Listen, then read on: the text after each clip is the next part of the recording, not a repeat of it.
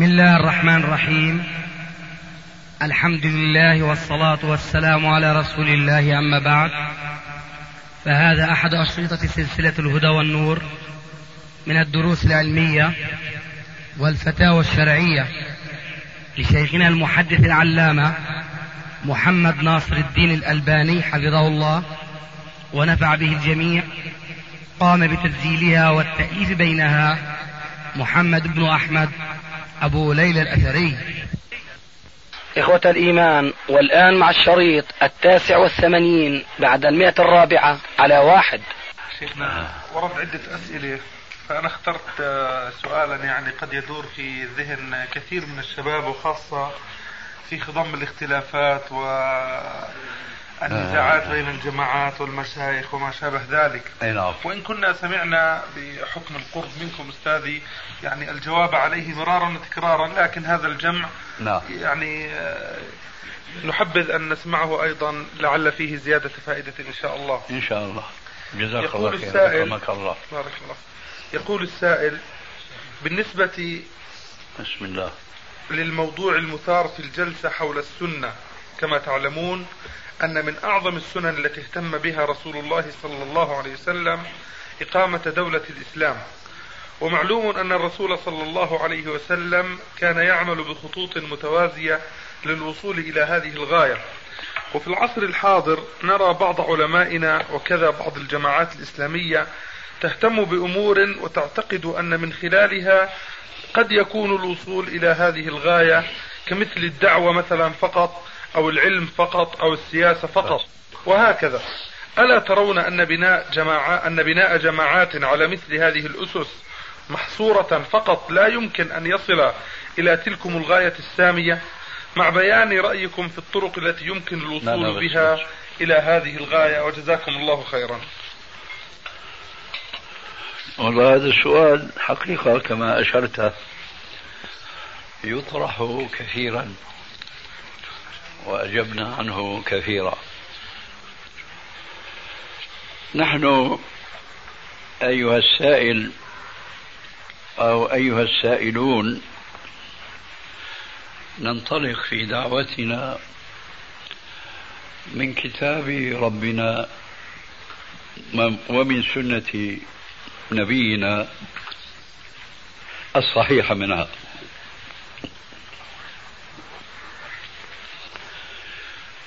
وهذا الانطلاق ناشئ من اقتناعنا القطعي وليس الظني أن خير الهدى هدى محمد صلى الله عليه وآله وسلم. والذين يهتمون اليوم بإقامة الدولة المسلمة ما أحد يخالفهم بوجوب إقامة الدولة المسلمة ولكن قد يخالفون في طريقة إقامة الدولة المسلمة. ونحن نعتقد أن السبيل الذي سلكه رسول الله صلى الله عليه وآله وسلم لإقامة الدولة المسلمة ليس لها بديل ولا يجوز لفرد أو أفراد أو لجماعة أو جماعات أن يتخذوا سبيلا غير سبيل الرسول عليه السلام لتحقيق هذا الأمر الواجب ألا وهو إقامة الدولة المسلمة. أظن أنه لا مخالفة في هذا أي لا أتصور أن مسلما أوتي شيئا على الأقل من الثقافة العلمية والشرعية يناقش في هذه المسألة ألا وهي أن السبيل الذي سلكه الرسول عليه السلام حتى أقام الدولة المسلمة في المدينة المنورة هو السبيل الواجب سلوكه ولا سبيل سواها أو سواه. لا أحد يناقش في هذا. بناء على ذلك أمضي في الجواب عن السؤال. فأقول ماذا فعل النبي صلى الله عليه وآله وسلم؟ ما هو أول شيء طرقه ودعا الناس إليه كخطوة أولى لوضع النواة الأساسية لإقامة الدولة المسلمة. نحن نعتقد وأرجو أن لا يكون هناك مخالف لما نعتقد. نعتقد أن أول شيء دعا الرسول صلى الله عليه وآله وسلم قومه هو أن يعبدوا الله واجتنبوا الطاغوت. أي عبادة الله وحده لا شريك له. وأنا لا أريد أن أفيض كثيرا وكثيرا أريد أن أقف في هذه النقطة. الآن نقلب نحن موضوع السؤال إلى سؤال. الذين يهتمون وأرجو من الأخ الجالس في الزاوية وفي الزوايا خبايا ما يشرب اليد اليسرى؟ المقصود لقد بدأ الرسول عليه السلام في دعوته بالتوحيد. وأظن يجب أن نجري نقاشا هادئا ولا بأس أن يكون واسعا في هذه النقطة التي ستسمعونها. أنا أعتقد أن أكثر الدعاة وأحمسهم وأحرصهم على إقامة الدولة المسلمة لا يدعون إلى التوحيد. هذه كبيرة أنا أعرفها. فمن كان سائلا واحدا أو أكثر أرجو إما أن يعترف بهذه الحقيقة لأمضي في كلامي وإما أن نقف عندها لننظر هل نحن مخطئون. أم أولئك هم المخطئون؟ نحن نقول أن الذين يهتمون بإقامة الدولة المسلمة الركيزة الأساسية الأولى أو اللبنة الأولى لهذا البنيان الشامخ بعد ما وضعوها. هكذا نحن نعتقد. والدليل أننا نختلف معهم.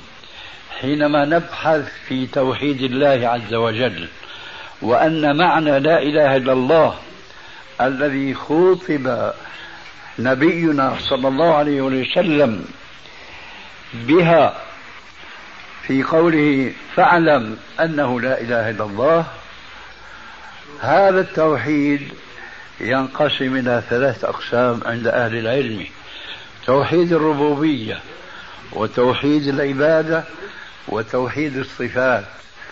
لا نجد في هؤلاء الدعاة يدعون عامة المسلمين بل وخاصتهم هل هم الذين يريدون أن يقيموا الدولة المسلمة؟ ما نراهم يعرفون من الشهادة سوى النطق بها. أما أن معناها أن تعتقد بأن الله كما هو واحد في ذاته فهو واحد في عبادته وهو واحد في صفاته فهذا أمر منكر عندهم.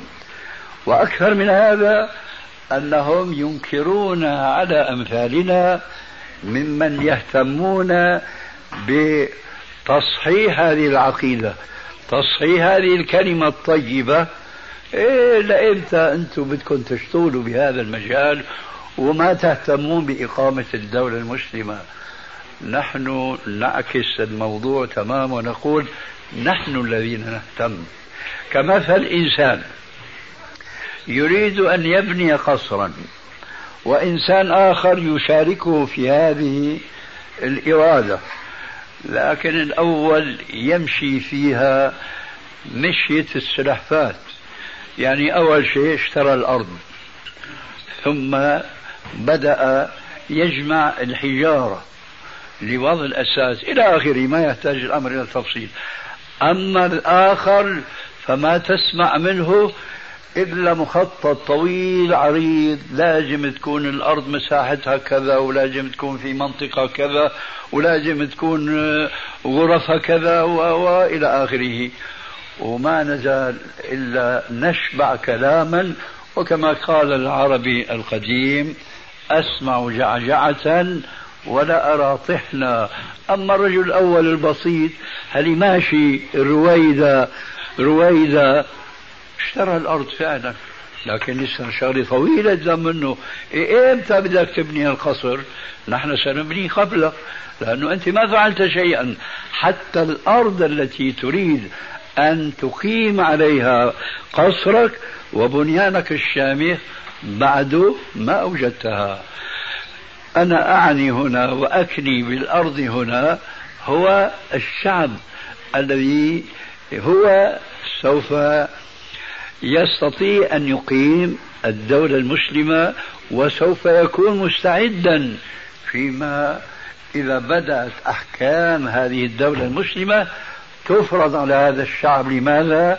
لأنه أسس وهيئ لتقبل هذا الحكم الذي هو حكم الله تبارك وتعالى فإذا كان التوحيد أساس الإسلام كله والذي من لم يوحد الله كما أراد الله وكما أراد رسول الله لا يفيد عمله الصالح بتاتا لأن الله عز وجل يقول في القرآن الكريم يخاطب النبي صلى الله عليه وسلم ولكنه يخاطبنا نحن في شخص النبي فيقول لئن أشركت ليحبطن عملك ولتكونن من الخاسرين.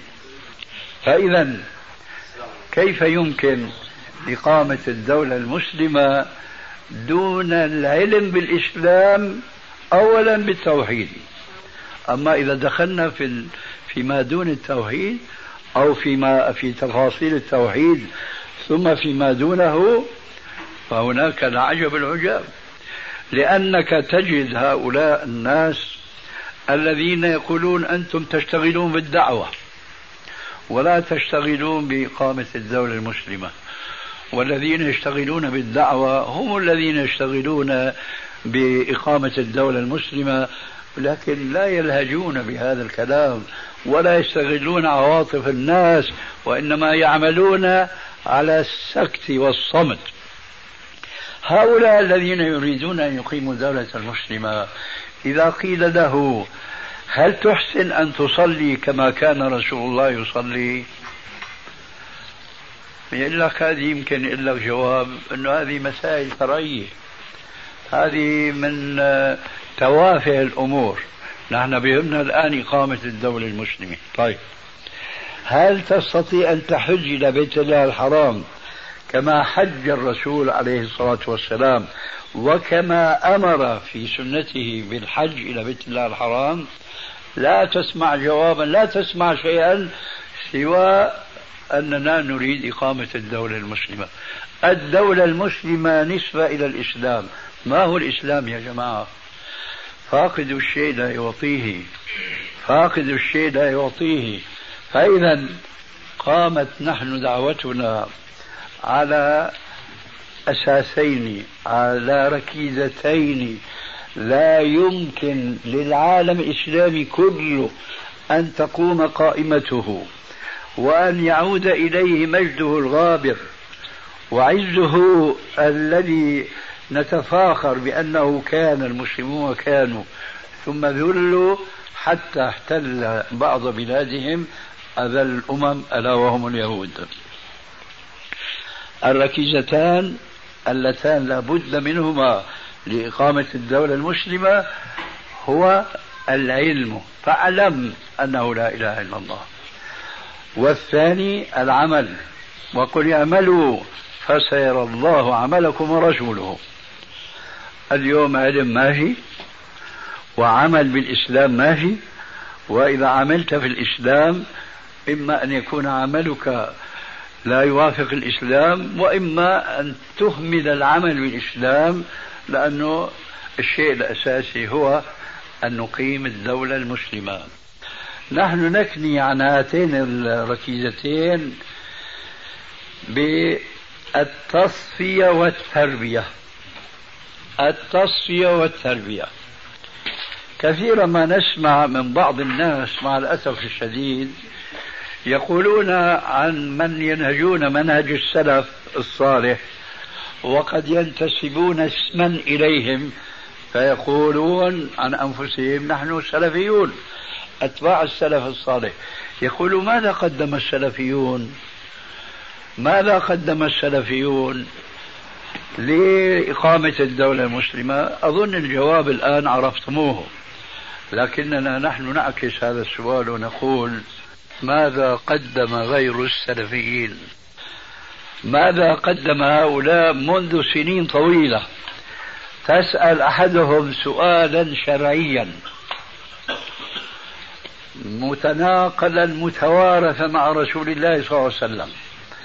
ولا مؤاخذة وهذا امتحان لكم معشر الحاضرين. أين الله؟ فلا تسمع جوابا. إلا من كان يعمل لإقامة الدعوة المسلمة على ركيزتين اثنتين التصفية والتربية. أما الذين يرفعون أصواتهم بإقامة الدولة المسلمة وقد يكون مضى عليهم قريب من قرن من الزمان ثم ما استطاعوا أن يفعلوا شيئا. هل يحسنون الإجابة عن هذا السؤال؟ أين الله؟ الله الذي قال الله في كتابه فاعلم أنه لا إله إلا الله. أين الله؟ ما تسمع منهم جوابا. لا يدرون أين الله. كيف هؤلاء يريدون أن يقيموا دولة الله؟ إذا صح هذا التعبير وهم يجهلون الله أين هو؟ أهو يعني مثل دودة الحرير في حجرها في جحرها في شرنقتها أم هو في هذا الفراغ في هذا الهواء أم أم ماذا؟ لا تسمع منه جوابا.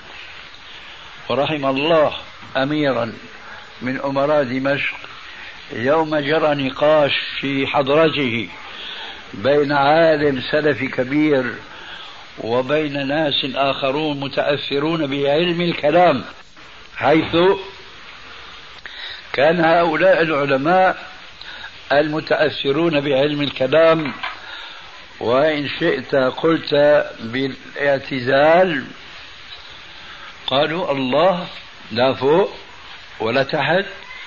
ولا يمين ولا يسار ولا أمام ولا خلف لا داخل العالم ولا خارجه. هذول علماء علماء الشام في زمانهم ينطقون بهذا الضلال المبين بين بين يدي حضرة أمير دمشق يومئذ وهم يجادلون رجلا يقول ربي الله ربي في السماء آمنت من في السماء. ارحموا من في الأرض يرحمكم من في السماء. لما سمع الأمير والمفروض في الأمير أن يكون عاديا في علمه بالشرع يستعين بالعلماء لكنه عاقل. فلما سمع علماء الكلام يقولون الله لا فوق لا تحت لا يمين لا يسار لا أمام لا خلف لا داخل العالم ولا خارجه. ماذا قال الأمير؟ هؤلاء قوم أضاعوا ربهم. صدق هؤلاء قوم أضاعوا ربهم. وأنا أعتقد ليس أولئك فقط أضاعوا ربهم بل جماهير الإسلاميين اليوم أضاعوا ربهم. لماذا؟ لأنهم ما تفقهوا في كتاب الله. ولا تفقهوا في حديث رسول الله صلى الله عليه وسلم وإنما دراسات مكثفة وخفيفة وقليلة وليست مدعمة بالأدلة الشرعية. بيتخرج الواحد منهم قد يتخرج من الجامعة وهو لما يفهم بعد فاعلم أنه لا إله إلا الله. لكن بيلقي لك محاضرات وخطب طنانة ورنانة وبيهيج النفوس فتكاثرها. الآن بدهم يهجموا على اليهود. ثم كرغة صابون. لو سألت هذا ومن خطبهم أين الله؟ ما في جواب. بينما جارية جارية في عهد الرسول عليه السلام لأنها تخرجت من مدرسته بالتعبير العصري الموجود اليوم سألها الرسول عليه السلام هذا السؤال فأجابت بالجواب الإسلامي الصحيح. روى الإمام مسلم في صحيحه من حديث معاوية ابن الحكم السلمي. معاوية بن الحكم هو غير معاوية ابن أبي سفيان الأموي الخليفة المعروف الذي كان في دمشق الشام. معاوية ابن الحكم السلمي. يحدثنا هو عن قصته التي وقعت له وهو يصلي خلف نبيه صلى الله عليه وسلم يوما. قال صليت وراء النبي صلى الله عليه وسلم فعطس رجل بجانبي فقلت له يرحمك الله. وهو يصلي. قال فنظروا إلي هكذا تسكيتا فقلت وثكل أمياه ما لكم تنظرون إليه؟ وهو يصلي. يصلي. وصلاته مقبولة ها ترى. ما تظنوا بطل صلاته. وثكل أمياه فأخذوا ضربا على أفخاذهم. يعني أسكت ليس الآن وقت كلام. قال فلما قضى رسول الله صلى الله عليه وآله وسلم الصلاة أقبل إلي. تصوروا بقى القصة وقعت اليوم وراء إمام من أئمة المسلمين ما شاء الله اليوم. أخطأ عرف نفسه أنه أخطأ وشاف الإمام جاي لعنده بده يضرب بقى أخماس في أسداس يمكن بده يضربه بده ينهره بده يقبحه حيوان ما بتفهم جاهل كذا إلى آخره. الله أعلم شو دار في خلد وفي ذهن معاوية هذا. لكن قال فلما قضى رسول الله صلى الله عليه وسلم أقبل إلي فوالله ما قهرني.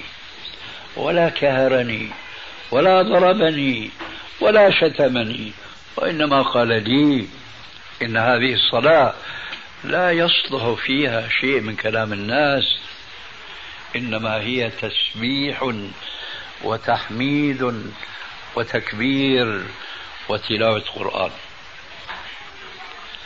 هذا الرجل فوجئ بما لم يكن في حسبانه. عرف من تسكيت الصحابة له أنه ارتكب خطأ. ومعنى ذلك أن الرجل كان حديث عهد بالإسلام مش عارف الأحكام بعد المتعلقة بالصلاة. فبعد ما عرف أنه كان مخطئا تصور بقى أنه بده يلاقي من الرسول عليه السلام صدمة عنيفة جدا وإذا به لا يرى إلا اللطف. وإلا الرأف الذي وصف به الرسول عليه السلام بالمؤمنين رؤوف رحيم. الأمر الذي هيأ له الجو الذي يفسح المجال ليتعلم. وقد عرف أنه جاهل وأنه بحاجة إلى العلم. فقال يا رسول الله إن منا أقواما يتطيرون. قال فلا يصدنكم. فلا يصدنكم. أي التطير معروف التطير عندكم هو التشاؤم. ومع الأسف الشديد المسلمون اليوم خاصة عالم النساء عالم اللي بيسموه اليوم الجنس اللطيف ما في أكثر منهم تشاؤما. الصابون يوم كذا ما بيجوز يدخل إلى الدار. المكنسة وراء الباب ما لازم تشتغل. أشياء أشياء يعني لا يمكن إحصاؤها. مع أن الإسلام قال لا طيرة في الإسلام وهذا الرجل عاش في الجاهلية ثم هداه الله وآمن برسول الله. فلما عرف أنه أخطأ في الصلاة إذا لازم أنا أغتنم فرصة وجودي بين يدي رسول الله صلى الله عليه وسلم فأسأله. قال إن منا أقواما يتطيرون. انظروا الآن تعليم الرسول. لا يكلف الناس ما لا يطيقون. لم يقل لهم لا تطيروا. لا لأن الطيرة التشاؤم يأتي الإنسان فجأة دون قصد منه. ولكن من قصد منه أن يتجاوب مع الطيرة أو أن لا يتجاوب. ولا بأس أن نلفت نظركم لماذا سميت الطيرة. كانوا في الجاهلية من خرافاتهم وضيق عقلهم كما تعيش حتى اليوم كثير من الأمم المتحضرة زعمت لكنها في الحضيض من من سلامة العقل. حتى الأوروبيين والأمريكيين وغيرهم. لأن هؤلاء بشهادة القرآن لا تغفلوا عن القرآن لا عقول لهم. أنتم بتظنوا أنهم عقلاء. يجب أن نفرق. هم أذكياء وليسوا عقلاء. هم أذكياء لذلك صعدوا إلى السماء. إلى القمر إلى إلى النجوم هذه الأخرى. والحبل جرار كما يقال. هؤلاء أذكياء لكنهم ليسوا عقلاء. وقالوا لو كنا نسمع أو نعقل ما كنا في أصحاب السعير. الشاهد فالعرب في الجاهلية كانوا يتطيرون. كان أحدهم إذا عزم على السفر وشد الرحل. وخرج من داره فهو ينظر أول طير يراه. والطير لابد حينما يرى الإنسان يطير يهرب منه. فإن طار يمينا ما شاء الله هذه سفرة ميمونة. وإن طار الطير الحيوان الصغير يسارا هذه سفرة مشؤومة. ورجع لبيته وبطل عن سفره. هذا من هنا جاءت كلمة الطيرة. وقال عليه السلام لا طيرة في الإسلام. أنا أمثل أحيانا رجل مسلم هيأ حاله للسفر فتح الباب وجد اثنين عم يتخاصموا واحد بيقول للثاني إن شاء الله ربنا الله ما بيوفقك هذا اللي خرج على السفر بتنزل إيش؟ باذنه طق يتشائم لا امضي قدوما ولا تبالي. هذا معنى قول الرسول لا يصدنكم. لا تطير أي لا تتجاوب مع الطيرة. قال يا رسول الله إن منا أقواما آه، يخطون أي يضربون بالرمل. فقال عليه الصلاة والسلام قد كان نبي من الأنبياء يخط فمن وافق خطه خطه فذاك. أي الضرب الرمل كان وسيلة ومعجزة لنبي في ذلك الزمان الزمان الأول. فمن وافق خطه منكم خط ذلك النبي فذاك المصيب. وهذا كما يسميه العلماء تعليق بالمحال. أي هذا غير ممكن. الشاهد الآن يأتي. قال يا رسول الله عندي جارية ترعى غنما لي في أحد فسطى الذئب يوما على غنمي وأنا بشر أغضب كما يغضب البشر فصككتها صكة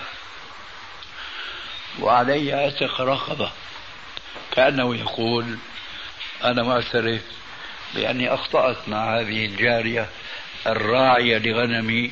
شو بيطلع بإيدها تساوي مع الذيب؟ الرجل يمكن يهرب من الذيب. فضلا عن إيش؟ الجارية المرأة.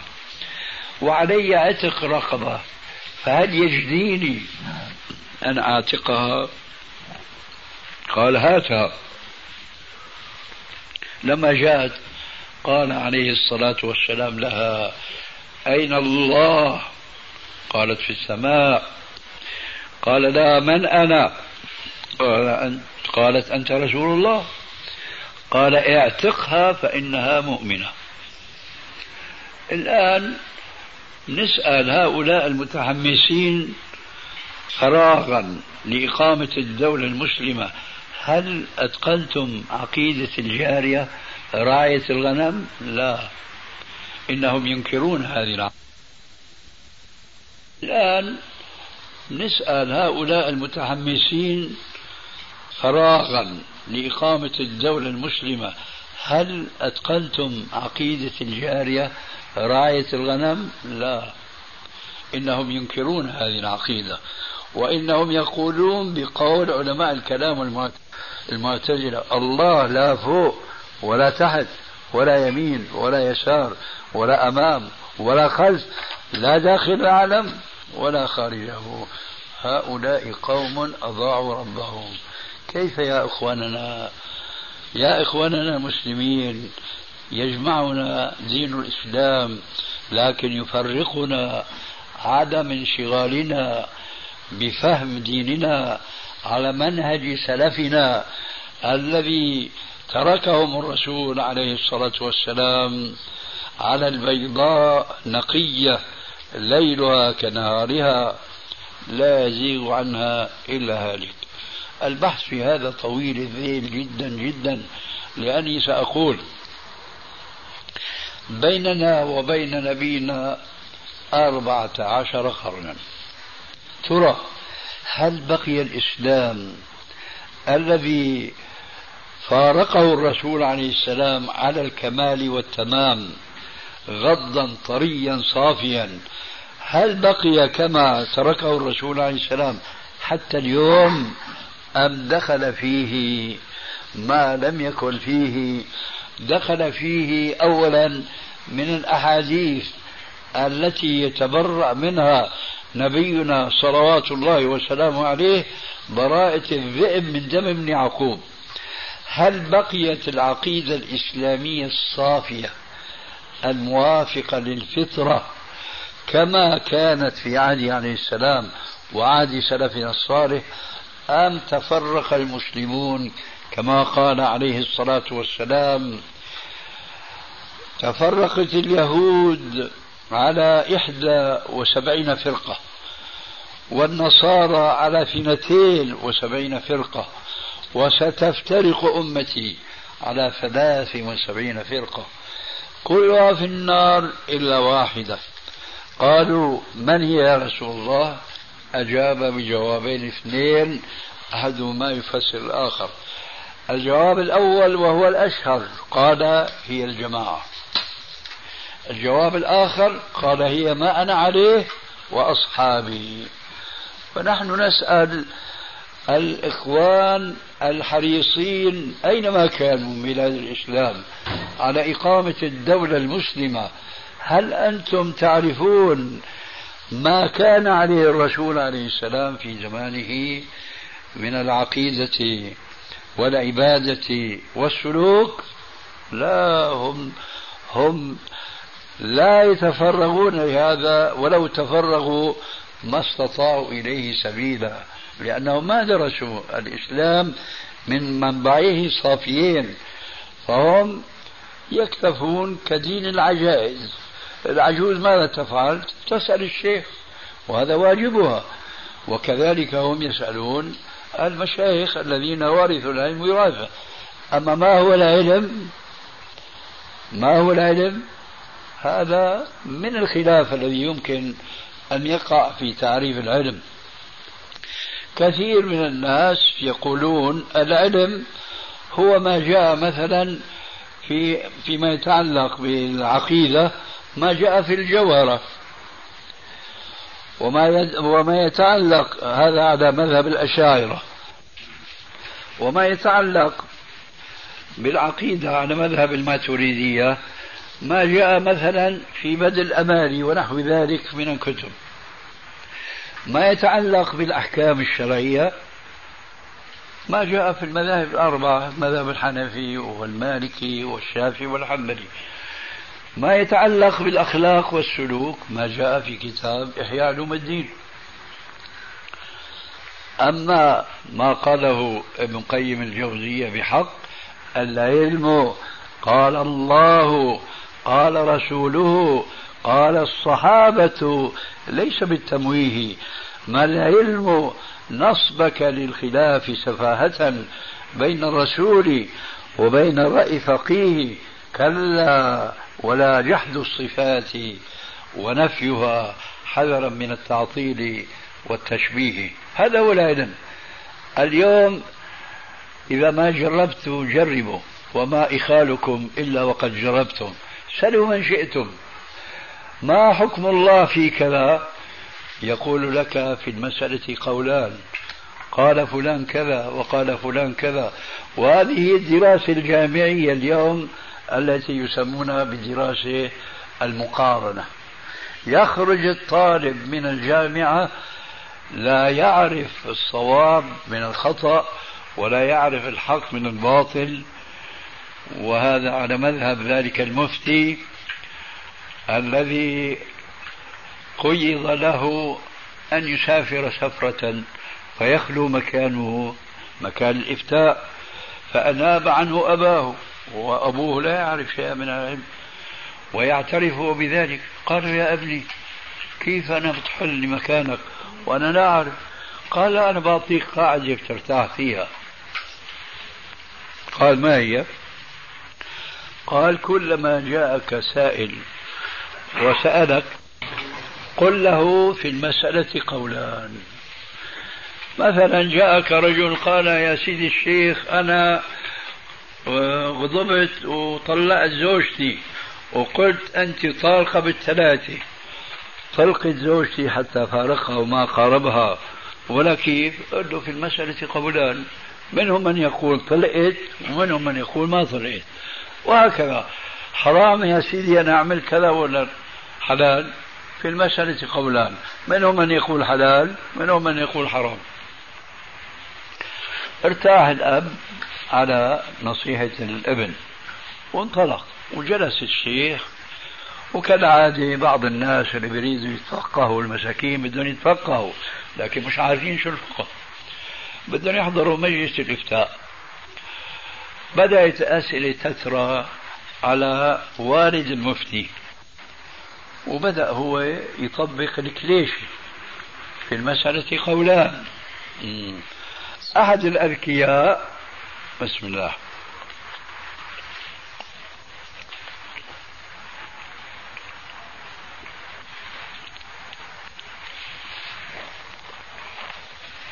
أيضا عسلك الله.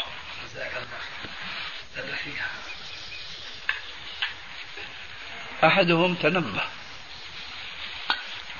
أن الشيخ ما في غير بيجاوب على وتيرة واحدة. في المسألة قولان. حرام حلال بيجوز ما بيجوز فرض سنة مستحب. في المسألة قولان.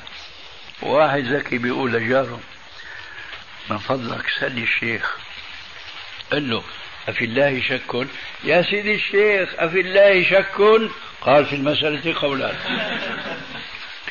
الآن مع الأسف الشديد نسمع هذه الفتاوى على هذا النمط. يقوم المحاضر بيقي محاضرته ومحاضرته لا علمية. ما في إلا وعظ ونصيحة وتذكير وإلى آخره. هذا شيء طيب لا شك. لكن الناس بحاجة إلى العلم إلى الفقه الذي قال عنه الرسول عليه السلام من يرد الله به خيرا يفقهه في الدين. تبدأ الأسئلة فيما بعد للتفقه. ما بتسمع إلا المذهب الحنفي بيقول هيك والمذهب الشافعي بيقول هيك ومساكين. الجماعة الحاضرين ولا تؤاخذوني ولكل قاعدة استثناء. الجماعة الحاضرين مأفينين مخدرين. ما في واحد بيقول له يا سيدي الشيخ يضعنا بين هذا المذهب وهذا المذهب. ما هو الصواب؟ ربنا بيقول فماذا بعد الحق؟ إلى الضلال. نبينا بيقول إذا حكم الحاكم فأصاب فله أجران وإن أخطأ فله أجر واحد. إذا العلم صواب وخطأ. فما هو الصواب مما تقول؟ طاقة الشيء لا يعطيه. ما بيقدر يعطي جواب. لماذا؟ لأنه في الأمس كان طالب في الجامعة. بعد يوم يومين ثلاثة شهر شهرين أخذ الشهادة صار دكتور. فهل كسبه؟ هو اللي بده يقدمه ما اكتسب علما. اكتسب قيل وقال. قيل وقال. وقد جاء في الحديث الصحيح أن النبي صلى الله عليه وسلم نهى عن قيل وقال وكثرة السؤال وإضاعة المال ومنع الوهات ووأد البنات. إذا يا أخوانا نحن نريد الآن أن نحيي المجتمع الإسلامي قبل أن نقيم الدولة المسلمة. وهذه نقطة يغفل عنها أكثر الدعاة الإسلاميين. الدولة المسلمة لا يمكن إقامتها في مجتمع كافر أو شبه كافر أو مجتمع فاسق وإنما الدولة المسلمة تقام على أرض مسلمة. هذه الأرض المسلمة لا يمكن إلا أن يحقق إلا على الركيزتين السابقتين تصفية وتربية. تصفية وتربية. التصفية قلنا أن الإسلام اليوم غير ذاك الإسلام وذكرنا لكم الحديث وستفترق أمتي على ثلاث وسبعين فرقة كلها في النار إلا واحدة.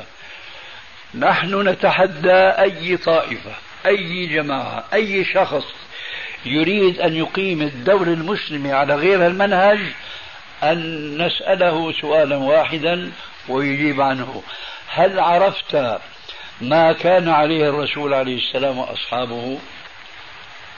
لا لا يمكن أن يعرف. لأنه ما قضى هو حياته في معرفة السنة ولو فعل ما استطاع. لماذا؟ لأنه الشخص الواحد ما يستطيع. يجب أن يتوارث العلماء هذا العلم خلف عن سلف. والعلم بالسنة على وجهها انقطع منذ قرون مع الأسف الشديد ولذلك فيجب أن يكون هناك علماء يستطيعون أن يجيبوا عن كل مسألة. تخطر في بال إنسان أو تعرض لأي إنسان أن يقول الجواب هكذا قال عليه السلام كذا كان الصحابة على كذا هكذا يمكن تحقيق المجتمع الإسلامي وبالتالي وهذا هو جواب فقرة جائز هنا لا أذكرها لعلك تذكرني بها.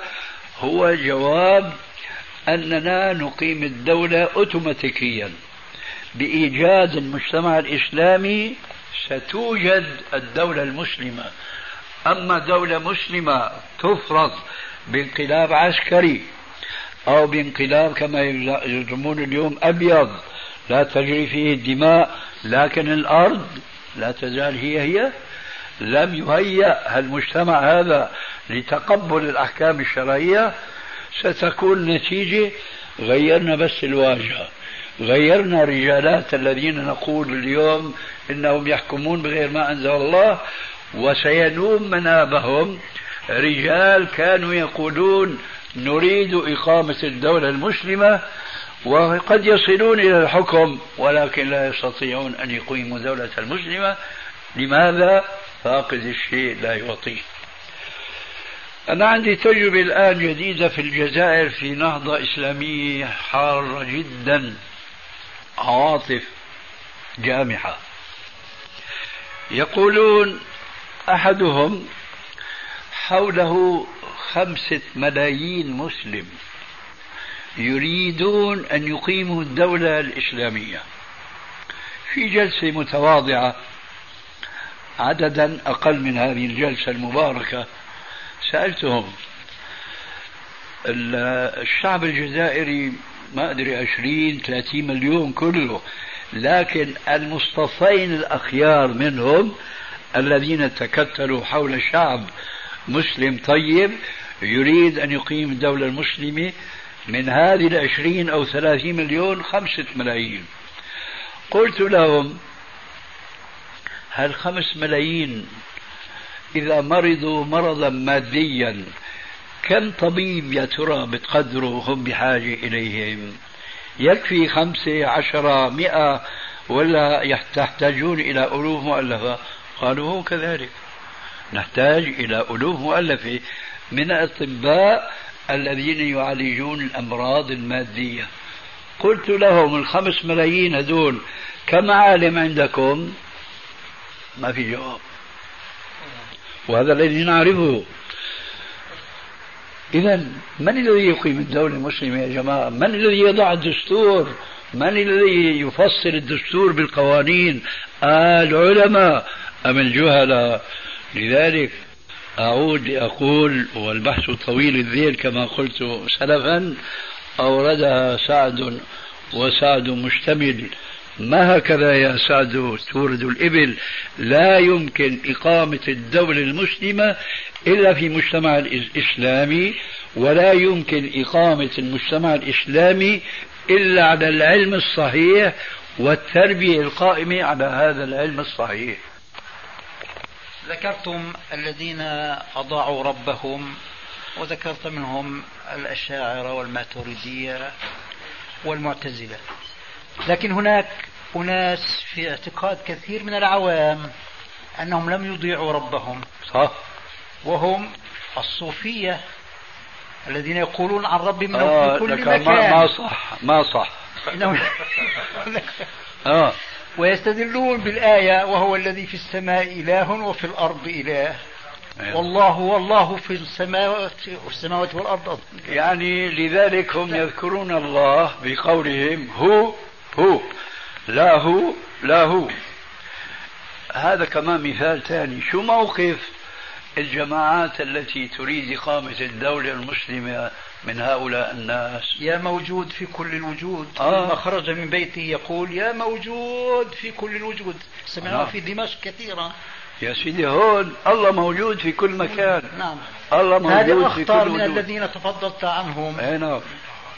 هذا لذلك هؤلاء مسلمون نحن الآن يا جماعة أمرنا مشكل وعجيب جدا. نريد مثلا أن نجاهد الكفار. هل نحن على قلب واحد؟ هل نستطيع أن نجاهد الكفار؟ نحن الآن مختلفون بيننا. ولا نستطيع أن نقاتل الكفار ما دمنا نحن مختلفين. إذا قبل كل شيء أبسط الأمور التي يشترك في معرفتها العالم والجاهل أنه لازم نتفق. حتى نكون قوة ويدا واحدة ضد العدو هل يحتل بلادنا؟ ودائما نعمل حركات وثورات إلى آخره ثم لا شيء وراء ذلك. فلماذا لا نتفق؟ مثل عربي بيقول أنا تائق وأنت مائق فكيف نتفق؟ كل واحد منا ماشي طريق. لكن الله عز وجل يقول وأن هذا صراطي مستقيما فاتبعوه ولا تتبعوا السبل فتفرق بكم عن سبيله. نحن الآن قد تتبعنا السبل ولذلك تفرقنا. فقبل التفكير بإقامة الدولة المسلمة الله يرحم ذاك الداعية ما أذكر إن كان حسن بنا ولا الهضيبي قال كلمة لو أن أتبعه اليوم الذين ينتمون إليه ساروا عليها لاستطاعوا أن يقيموا مجتمعا إسلاميا ولو صغيرا ماذا قال؟ أقيموا دولة الإسلام في قلوبكم تقم لكم في أرضكم. أقيموا دولة الإسلام في قلوبكم. لا نحن بدنا نقيم دولة الإسلام في الأرض قبل أن نقيمها في القلب. هذا لن يكون أبدا. والآن هؤلاء الصوفية بيصلوا وبيصوموا ويمكن يكونوا بيصلوا بالليل ونحن نايمين. لكن إيش فائدة هذا الصيام وهذه وهذا القيام؟ وهم جحدوا ربهم وقال قائلهم كما تعلم وما الكلب والخنزير إلا إلهنا وما الله إلا راهب في كنيسة. هذول أخواننا أخواننا هذول لكن شلون يا جماعة أخواننا؟ وهن كفروا بربنا وجعلوا الكلب والخنزير إلهنا. هؤلاء ليسوا إخواننا.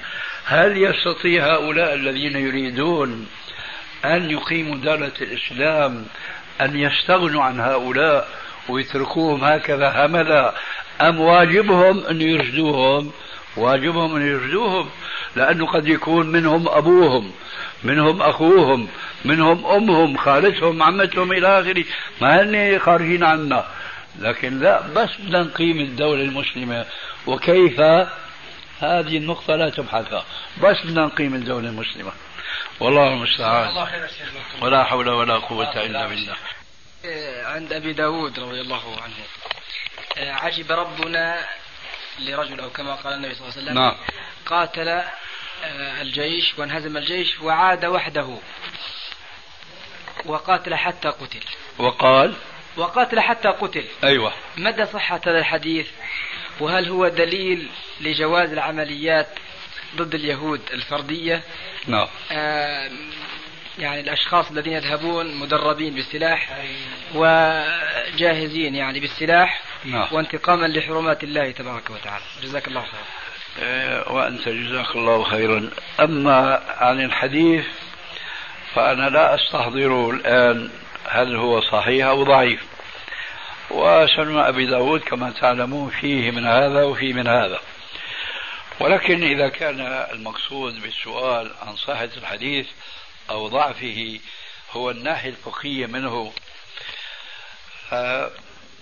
ممكن الوصول إلى الجواب عن الناحية الفقهية ولو توقفنا الآن عن الجواب عن ثبوت الحديث أو ضعفه. لكن لعل بعض إخواننا يذكر شيئا. تذكر شيء؟ المهم العمليات الانتحارية التي تقع اليوم أنا بقول في مثلها تجوز ولا تجوز. وتفصيل هذا الكلام المتناقض ظاهرا تجوز في النظام الإسلامي في الجهاد الإسلامي الذي يقوم على أحكام الإسلام ومن هذه الأحكام ألا يتصرف الجندي برأيه الشخصي وإنما يأتمر بأمر أميره. لأن النبي صلى الله عليه وسلم كان يقول من أطاع من أطاعني فقد أطاع الله ومن أطاع أميري فقد أطاعني. فإذا كان هناك ونرجو أن يكون هذا قريبا جهاد إسلامي قائم على النظام الإسلامي وأميره لا يكون جاهلا. إنما يكون عالما بالإسلام خاصة الأحكام المتعلقة بالجهاد في سبيل الله. هذا القائد أو هذا الأمير أمير الجيش المفروض أنه هو الذي يعرف وأخذ مخطط ساحة المعركة وتصور في ذهنه تماما فهو يقال في مثله يعرف كيف تؤكل الكتف. يعرف مثلا إذا كان هناك آه، طائفة من الجيش آه، له نكاية شديدة في الجيش الإسلامي ويرى أن يفادي بجند من جنوده ويختار هذا مثال وأنا لست عسكريا لكن الإنسان يستعمل عقله. كلنا يعلم أن الجنود ليسوا في المسالة بنسبة واحدة والشجاعة وليسوا بنسبة واحدة في معرفة القتال وأحكام القتال وأصول القتال وإلى آخره. فأنا بتصور أن هذا القائد الخبير الخريج حيأخذ رجل من الساقة يعني من الذين يصلحون للطبخ والنفخ مش يصلحون للقتال لأنه لا يشتم القتال وليس عنده شجاعة. بيقول له تسلح بالقنابل واركب الطائرة وروح ارمي فيها هالجماعة اللي موجودين في الأرض الفلانية. هذا انتحار يجوز. أما يجي واحد من الجنود كما يفعلون اليوم أو من غير الجنود أنه ينتحر في سبيل قتل اثنين ثلاثة أربعة من الكفار فهذا لا يجوز لأنه تصرف شخصي ليس صادرا من أمير الجيش. هذا التفصيل هو معنى قولنا يجوز ولا يجوز ولعل الجواب واضح إن شاء الله.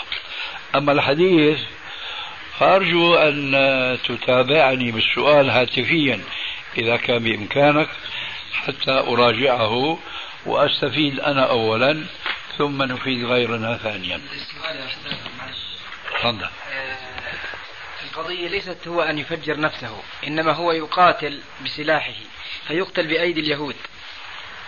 هاي القضية. يعني هي نفسها يا أخي في جيش إسلامي يجاهد في سبيل الله؟ الرجل الذي هجم على صف الروم كما في رواية أرجوك ما تستعجل. في جيش يجاهد في سبيل الله؟ فقاتل هذا بهذه الطريقة؟ الجواب لا. قضية أنه يجرئ المسلمين على نحن من أين أخذنا التفصيل؟ بارك الله فيك. من المعارك التي كانت تقع في السالف نعم. كان يجي الرجل اللي بده يقتل جماعة من الكفار يقول القائد أنا أريد أن أهجم على الكردوس هذا الجماعة كذا. بيقول له يلا هيا في سبيل الله. فيسمع له ويأذن له. لكن ماذا تقول لو قال له لا؟ هل يجوز له أن يتقدم؟ في حالة القائد لا لا يجوز له. هذا قصدي. نعم. فأنا ذكرت لك ما يجوز وما لا يجوز؟ حينما يكون هناك جهاد قائم على الأحكام الشرعية له قائد هو الذي ينظم المعارك وهو الذي يأذن بأن ينتحر فلان في سبيل القضاء على عدد من الكفار.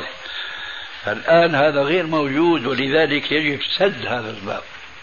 حتى نهيئ الجو الذي نوجد فيه خليفة أولا ونوجد قائد يأتمر بأمر الخليفة ونوجد جند يأتمرون بأمر إيش؟ القائد وهكذا. ولذلك فلا بد من وقل اعملوا فسيرى الله عملكم ورسوله. في فهم هنا هذا يعني التمس على الشباب. انه من آه، طرق إحياء هذا العمل إنه هذه العمليات. هو ما قتل أربعة ما نظر إلى القتل لكن إلى مردودها في تأثيرها في حماس الشباب وإقبالهم على الإسلام والعزة التي يعني يعني تشعر أو تحس بالنفوس يعني بعدها فيها أثر إثر أثر طيب. هذه العمليات يعني من هذا الباب يقولوا إنها طيبة وإنها رغوة صابون من متى بدأت هذه؟ من قريب. طيب. ماذا تغير المجتمع الإسلامي؟ يعني على المدى يحسبوها ما بيتغير المجتمع الإسلامي إلا بالتصفية والتربية.